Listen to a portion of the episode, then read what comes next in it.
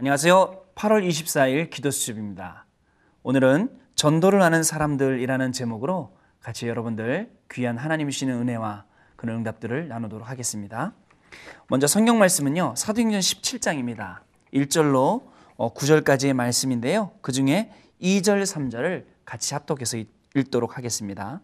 바울이 자기의 관례대로 그들에게로 들어가서 새 안식일의 성경을 가지고 강론하며 뜻을 풀어 그리스도가 해를 받고 죽은 자 가운데서 다시 살아나야 할 것을 증언하고 이르되 내가 너희에게 전하는 이 예수가 곧 그리스도라 하니 우리는요 어, 삶과 기도 그리고 말씀과 시스템 속에서 전도라는 것을 우리는 찾아낼 수 있어야 합니다.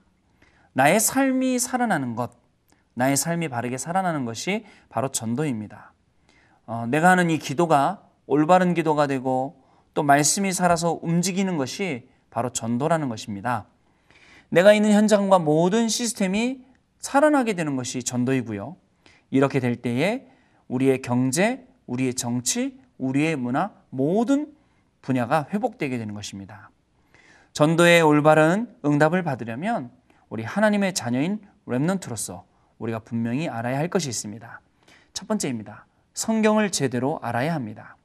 우리는요, 성경을 통해서 복음을 굳게 붙잡아야 할 이유를 분명히 알아야겠는데요. 지금도 창세기 3장 사건과 사탄의 역사는 계속되고 있기 때문에 우리는 반드시 복음의 언약을 굳게 붙잡아야 합니다. 우리 인간의 힘으로는 절대 자력으로는 해결할 수 없는 많은 문제들이 우리의 주변에서 계속 일어나고 있습니다. 이런 문제들을 해결할 수 있는 방법이 있느냐? 그렇지가 않습니다. 인간이 노력하면 노력할수록 종교를 가지려면 가질수록 너무너무 허무해지고 이 문제는 더욱 심각해지고 복잡해지는데요. 이러한 영적인 부분을 모르 기 때문에 많은 사람들이 실패하고 또 영적 문제로 자살도 하고 또 이 문제 속에서 스스로 무너져가는 것들을 우리가 보게 되는 것입니다. 우리는요, 세상의 현장 너무 부럽게만 보지 말고 정말 우리는 제대로 볼 수가 있어야 합니다. 그리고 우리는 그 현장에 나가서 어떤 모습으로 그 세상 현장을 리더하고 살릴 것인가 그런 중요한 기도의 제목을 오늘 붙잡는 그러한 시간이 돼야 되겠습니다. 지금도 성, 세상에는요 성경에 기록된 일들이 여지없이 일어나고 있습니다. 그렇기에 이 시대적인 언약인 복음을 붙잡고 자신을 향한 하나님의 이면 계약을 붙잡아야 합니다. 하나님의 말씀은 반드시 성취될 것이고 우리 렘넌트들을 향한 하나님이 주시는, 주시는 이 중요한 말씀은 바로 지금 이 시간에도 계속 성취될 것입니다. 우리는 하나님의 말씀이 성취되는 이 중요한 시간표 속에 저와 여러분이 오늘 이렇게 들어 있습니다. 정말 우리는요, 이러한 창세기 3장 문제로 많은 영적 문제로 고통당하고 있는 세상을 보면서 아, 정말 바른 복음을 가지고 그리고 이 복음을 꽉 붙잡고 정말 우리는 바로 세상을 살리는 사람이 되겠구나. 라는 중요한 기도의 제목을 좀 가져야겠습니다. 두 번째로, 어, 전도를 제대로 알아야겠습니다.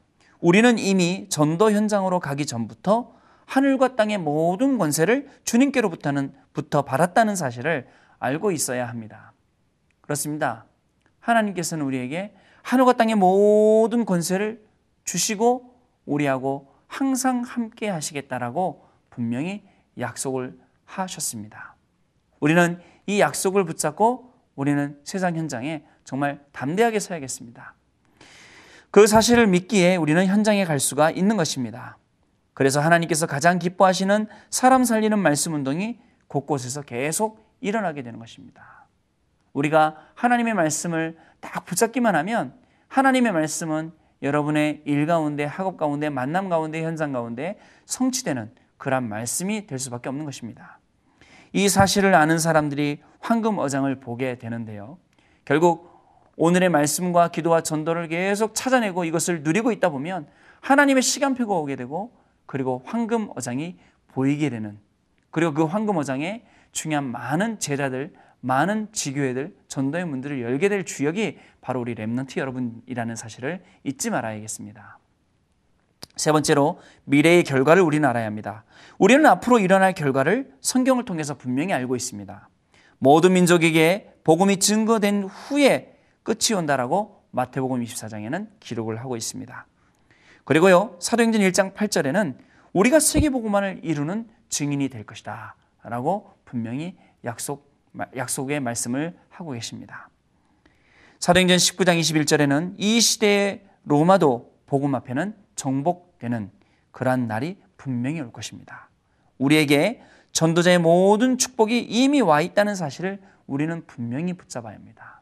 하나님께서는 우리에게 하늘과 땅의 모든 권세를 주셨고 우리하고 지금도 함께 하시기 때문에 하나님이 우리에게 주신 이 약속들은 분명히 성취될 약속이 확실함을 우리는 알고 오늘도 우리는 도전을 하는 것입니다.